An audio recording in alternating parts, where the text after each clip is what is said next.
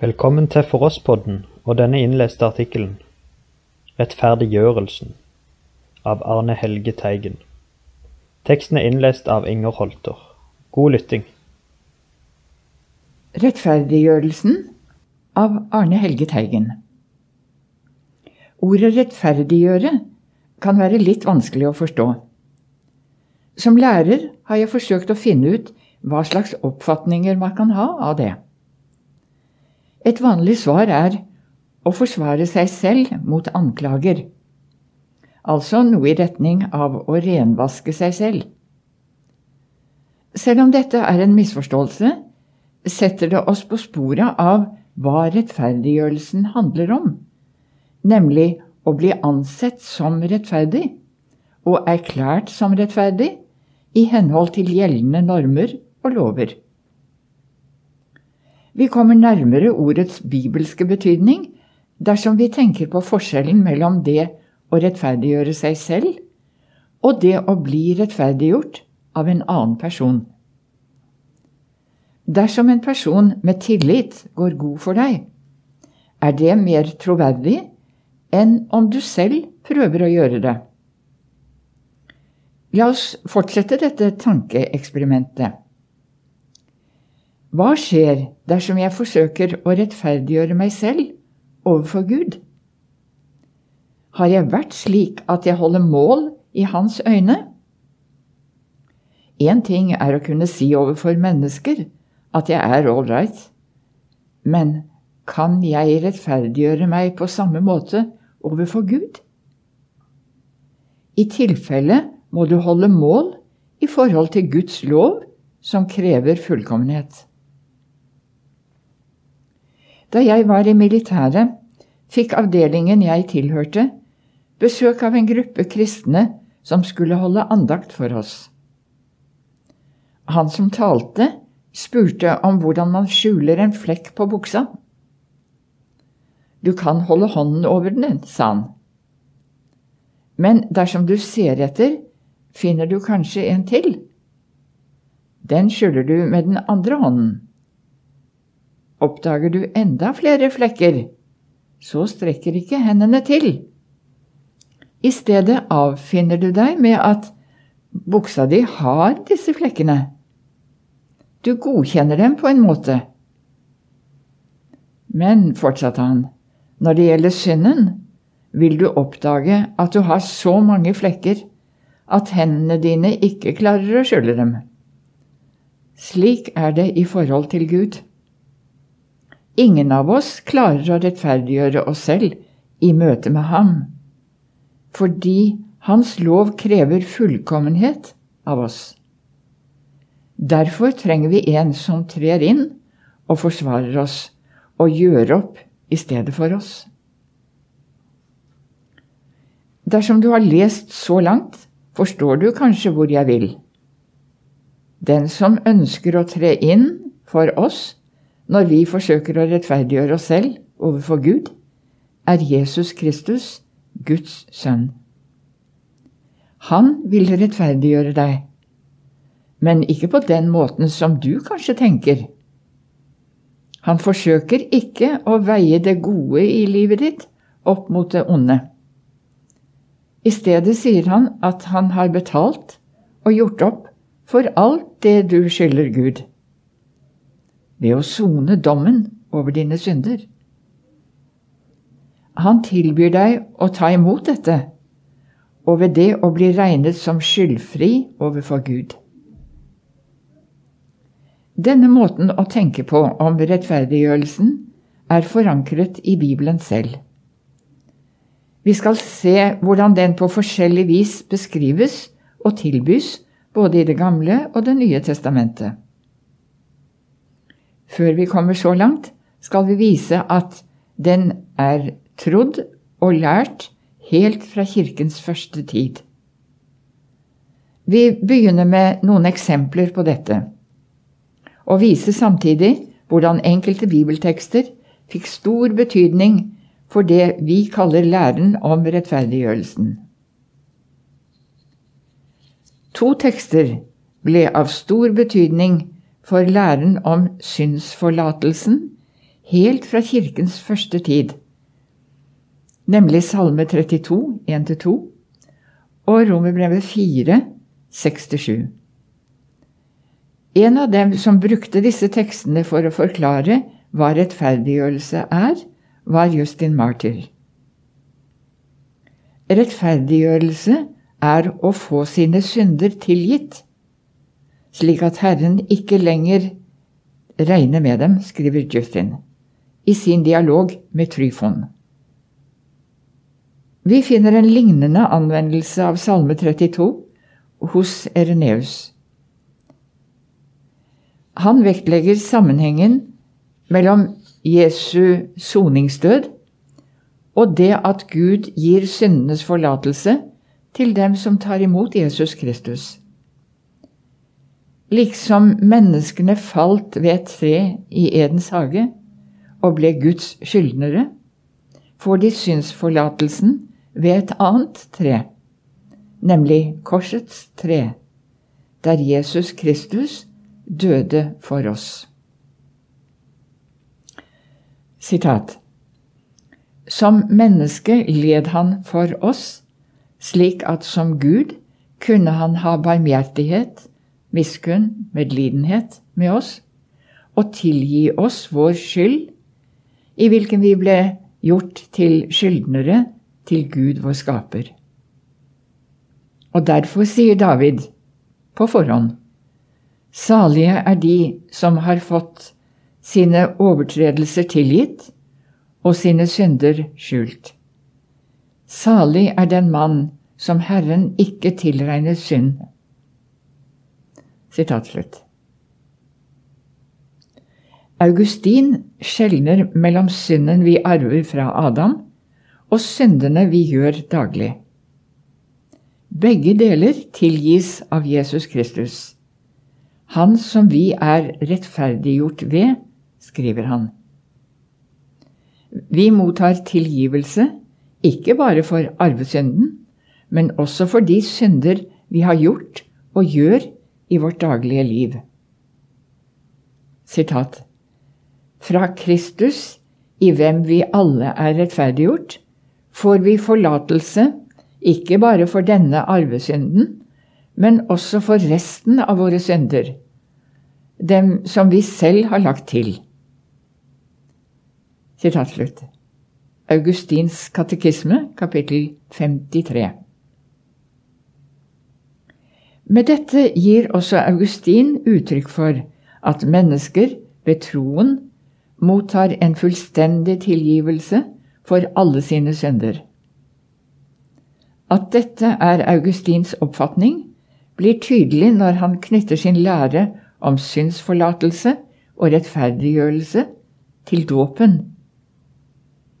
Dåpen viser at det å bli tilgitt av Gud og det å bli rettferdiggjort er ensbetydende med å få del i alt Jesus har gjort for å frelse oss. Dåpen forener med Jesu død og oppstandelse. Foreningen med Jesu død svarer til synsforlatelsen, mens foreningen med Jesu oppstandelse svarer til rettferdiggjørelsen. Og fortsetter Augustin. Synsforlatelsen er like virkelig som Jesu død, og rettferdiggjørelsen er like virkelig som Jesu oppstandelse.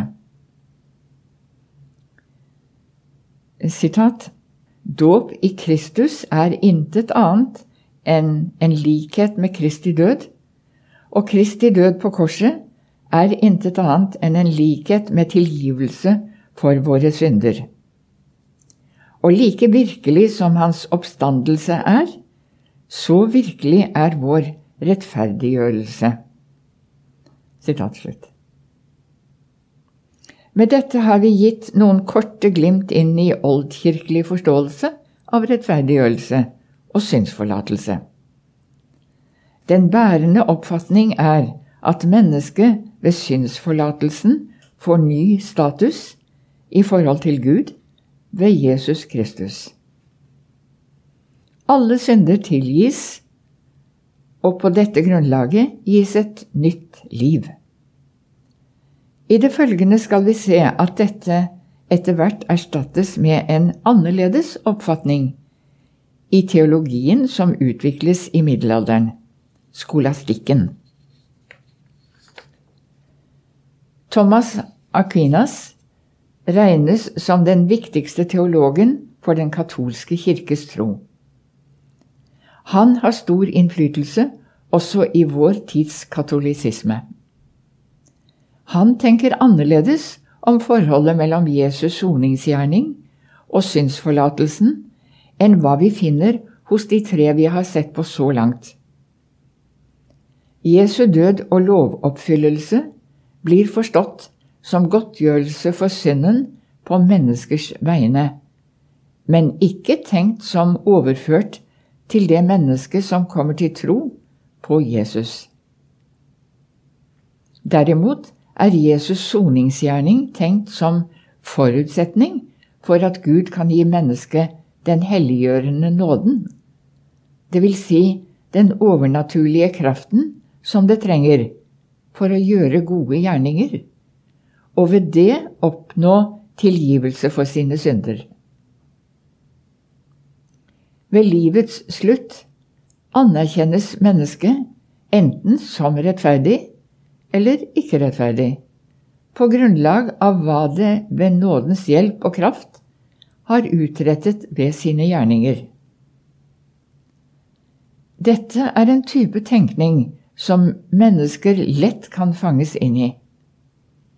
Dersom det ikke får kunnskap om at Jesus Kristus har gjort opp for all synd i stedet for dem. Dersom en ikke forstår og tror at Gud også tilgir synden på dette grunnlaget, føres man raskt inn i tanker om hva man selv må gjøre for å blidgjøre Gud. Når man derimot legger sine egne tanker om dette til side, og i stedet ser på hva Bibelen sier om hvorfor Gud stadig tilgir, blir dette endret. Da får man den store oppdagelsen som viser at Gud tilgir synden, ikke fordi jeg har beveget ham til det, men fordi Jesus allerede har betalt og gjort opp for den. Det var dette Martin Luther i sin tid så, da han i sine grundige studier av Bibelen gjenoppdaget hva Guds nåde består i. La oss kort skissere den lutherske oppfatningen. Luther kom til tro på at alt som ble vunnet ved Jesus stedfortredende død og lovoppfyllelse, tilregnes den som tror, helt og fullt. Det gis tilgivelse ikke bare for synden vi arver fra det første mennesket, men også for syndene vi faller i daglig, presiserer Melanchthon i Confessio Augustanas fjerde artikkel. Mennesket blir rettferdiggjort ved tro, ikke på grunn av sine gjerninger. CA 4. Hva dette innebærer, ble etter hvert utdypet. Luther poengterte at det å være et rettferdiggjort menneske dypest sett betyr å ha fått Jesus Kristus selv. Dette aspektet ved rettferdiggjørelseslæren ble videreført og ivaretatt både under og etter reformasjonen. Det ble hjemlet i det Bibelen skriver om at den oppstandende Jesus Kristus lever og går i forbønn for den troende i himmelen. I kraft av sin person er Jesus det troende menneskes rettferdighet. Han er det ikke bare som menneske, men som Gud og menneske, presiseres det i Concordie-formelen.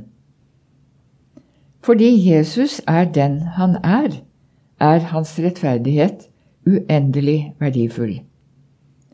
Guddommelig så vel som menneskelig. Derfor skjuler og veier den opp for all synd. Som grunnlag for dette vises bl.a. til Hebreerne 7, 23-24.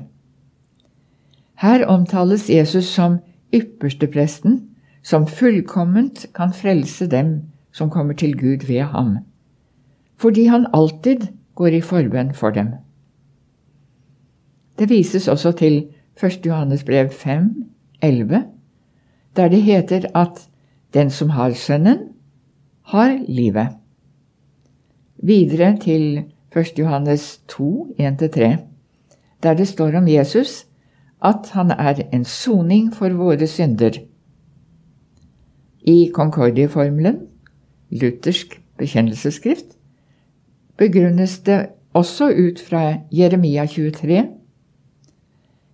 der Messias omtales som Herren, vår rettferdighet.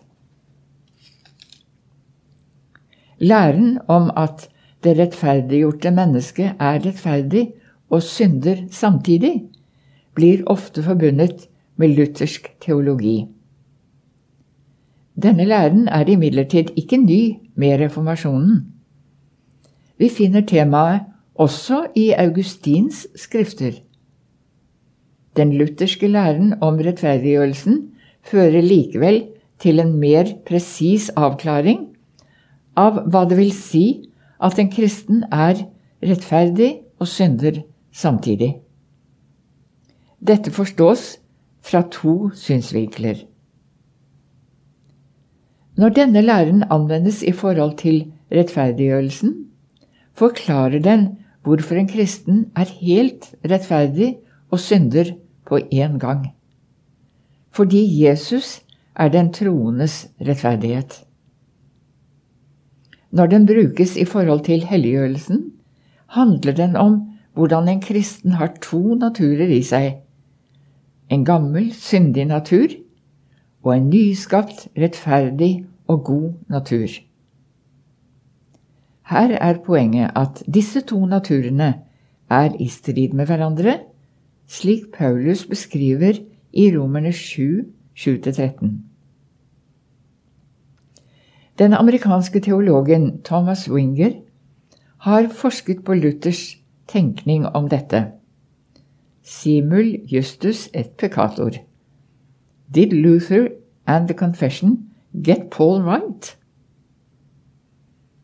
Han påpeker at Luther bruker uttrykket samtidig synder og rettferdig første gang i kommentaren til romerbrevet fra 1515. Uttrykket knyttes da til romerbrevet 4, 7-8, som inneholder et sitat fra Salme 32, 1-2. Salige er de som har fått sine overtredelser tilgitt og sine synder skjult. Salig er den mann som Herren ikke tilregner synd. Det er formuleringen 'forlatt og skjult' Luther legger vekt på når han forklarer hva det vil si å være synder og rettferdig samtidig, påpeker Winger. Disse ordene viser på den ene side at en kristen har synd i seg selv. På den annen side at skylden er ettergitt, slik at den tilgitte synder står i et helt nytt forhold til Gud. Tilgivelsen betyr ikke at synden er tatt bort eller tilintetgjort, men at Gud har skjult den og ikke lenger regner mennesket skyldig på grunn av den.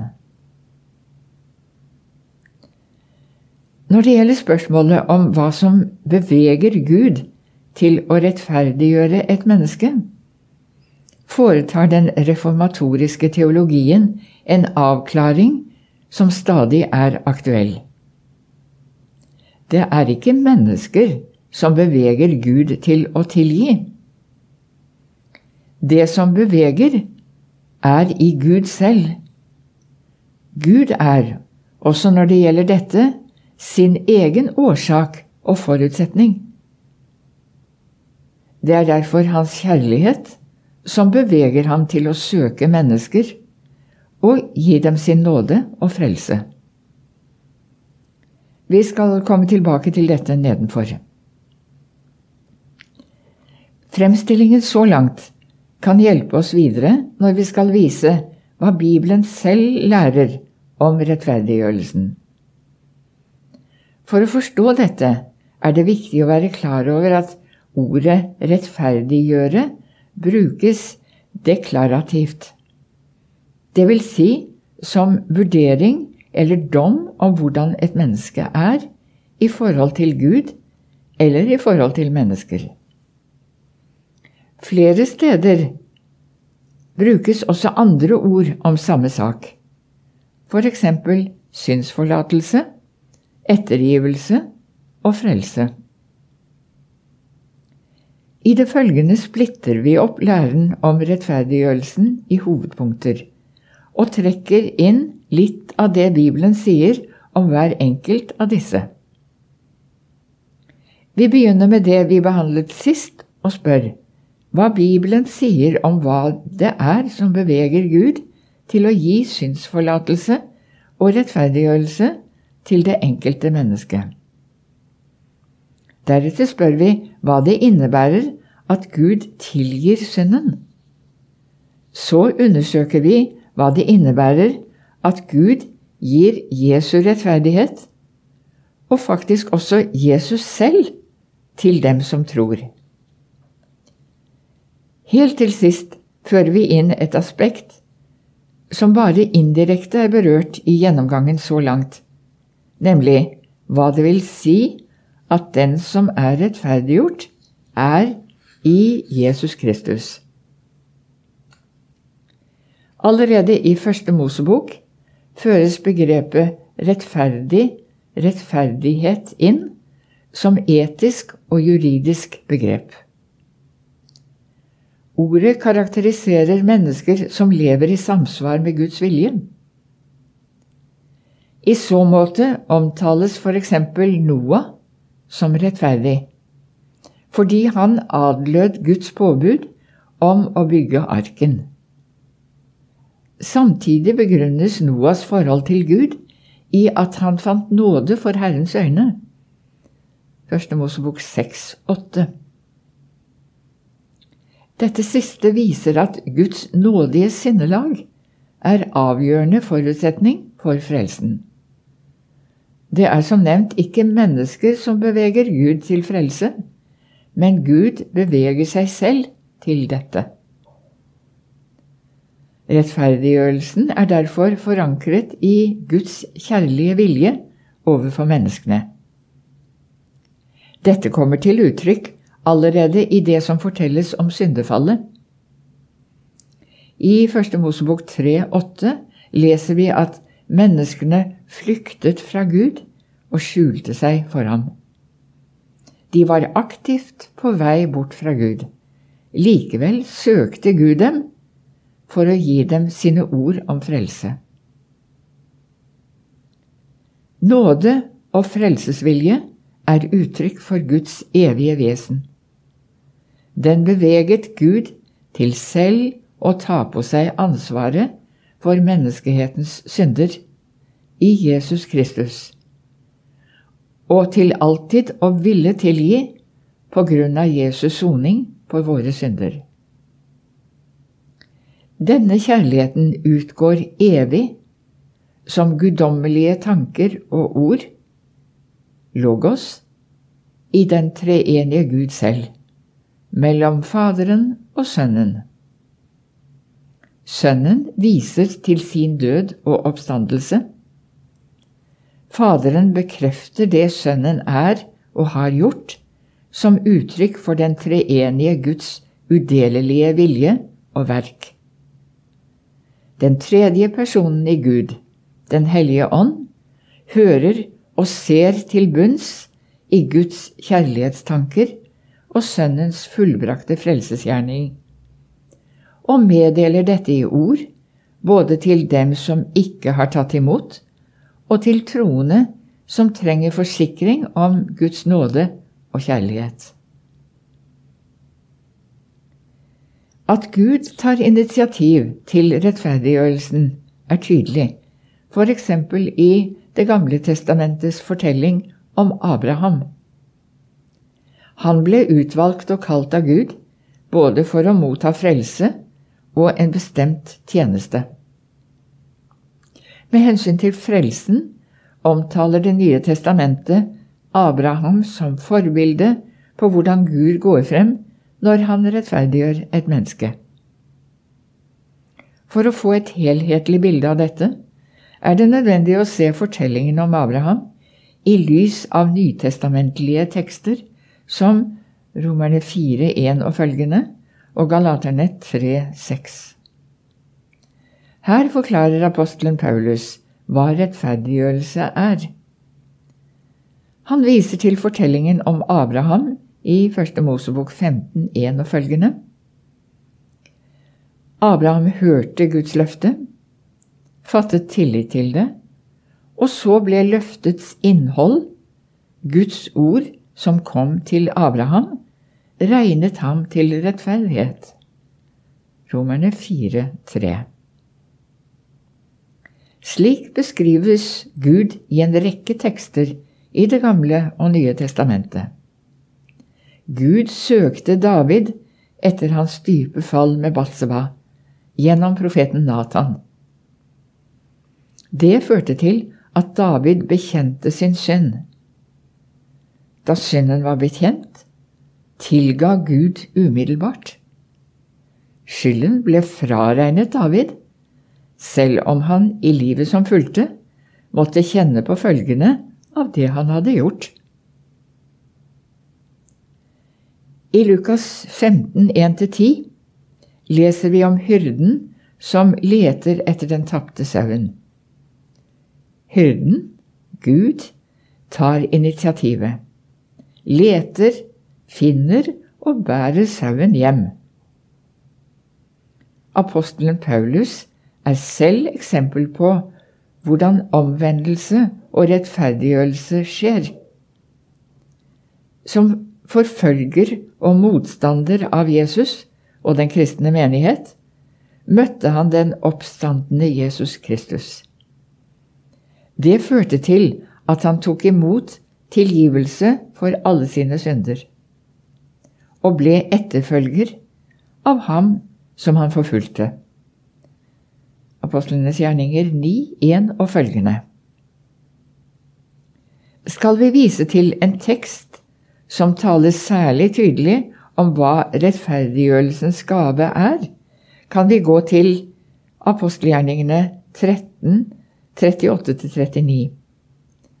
Her fortelles om apostelen Paulus, som taler til mennesker som søker å bli frelst og rettferdiggjort ved å oppfylle Mose lov. Han forkynner dem frelsen som gave, som Gud i sin kjærlighet gir i Jesus Kristus. Mennesker makter ikke å bli anerkjent som rettferdige på grunnlag av lovens krav eller ved egne gjerninger. Derfor skal de gi opp og forsøke å bli frelst ved det de gjør eller presterer selv. I stedet skal de tro at syndenes forlatelse gis dem som en gave de selv ikke skal betale for. De skal med andre ord ta imot rettferdiggjørelsen ved tro. Sitat. Derfor skal dere vite, brødre, at ved ham forkynnes syndenes forlatelse for dere, og fra alt det som dere ikke kunne rettferdiggjøres fra ved Moselov, rettferdiggjøres i ham enhver som tror. Sitat slutt. Vi har sett hvordan Ireneus Justin Martyr og Augustin omtalte frelsesmeddelelsen som fraregnelse av synd og som synsforlatelse. Vi viste at Augustin beskrev denne som fullstendig absolusjon, som tilgivelse både for arvesynd og synder man faller i gjennom livet. Bibelordet som særlig ble brukt, er Salme 32. Denne salmen utgjør, som vi har sett, bibelsk-teologisk grunnlag for læren om rettferdiggjørelsen. Det mennesket er salig som har fått sine overtredelser forlatt og sine synder skjult. Det samme leser vi ut av Salme 103, 8-13. Her er det tydelig uttalt at Gud ikke lenger regner med syndene i vårt forhold til ham. Dette betyr ikke at det mennesket som rettferdiggjøres, blir syndfritt. Uttrykkene fraregnet og skjult impliserer at synden faktisk er der og gjør seg gjeldende også i en kristens liv. Synden tas ikke bort, men skylden som mennesket har overfor Gud, som følge av sine synder, blir fullstendig tatt bort. I det følgende skal vi se hvordan dette kommer til uttrykk, også på en annen måte. I de tre første evangeliene fortelles det om mennesker som ble frelst ved at de fikk synsforlatelse av Jesus Kristus. Et godt eksempel er fortellingen om tolleren og fariseeren i tempelet. Her stiller Jesus en fariseer og en toller opp mot hverandre. Fariseeren skryter av sine gjerninger og anser seg selv som rettferdig overfor Gud på grunn av dem. Den andre, tolleren, har ingenting å skryte av. Han slår seg for brystet og ber Gud å være ham nådig og gi det han ikke har fortjent. Jesus sier at tolleren gikk rettferdiggjort hjem, mens fariseeren ikke gjorde det. Lukas 18, 9-14. Det gamle testamentet taler ellers om tilregnelse og fraregnelse som to sider av samme sak. Dette kommer til uttrykk f.eks. når det benyttes billedspråk eller illustrative fremstillinger for å vise hva frelsen er. Det å komme inn i frelsens forhold til Gud beskrives som å bli kledd i frelsens drakt og rettferdighetens kappe. Jesaja 63, 10. Når Jesus omtales som vår talsmann i himmelen, beskrives han både som den rettferdige og som soning for våre synder. Videre som den som går i forbønn for dem som tror på ham. 1. Johannes 2, 1-2. Jesus er, i kraft av sitt liv som den oppstandende, i stand til å frelse dem fullkomment som kommer til Gud ved ham. Hebreerne 7, 25, Romerne 5, 10. Som nevnt ovenfor er Jesus som person i den treenige Gud det troende menneskets personlige og stadig aktive rettferdighet.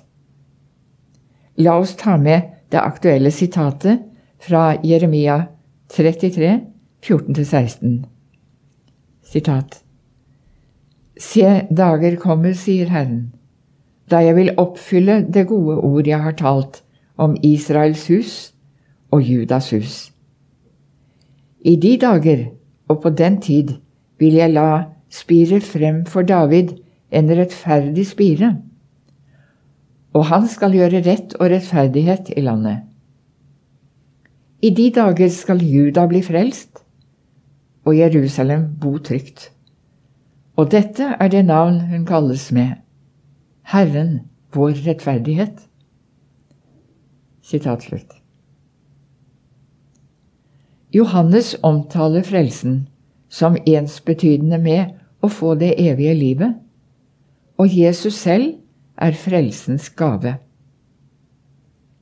Rettferdiggjørelsen er derfor ikke kun et logisk regnestykke det å eie Jesus Kristus selv som sin personlige stedfortreder.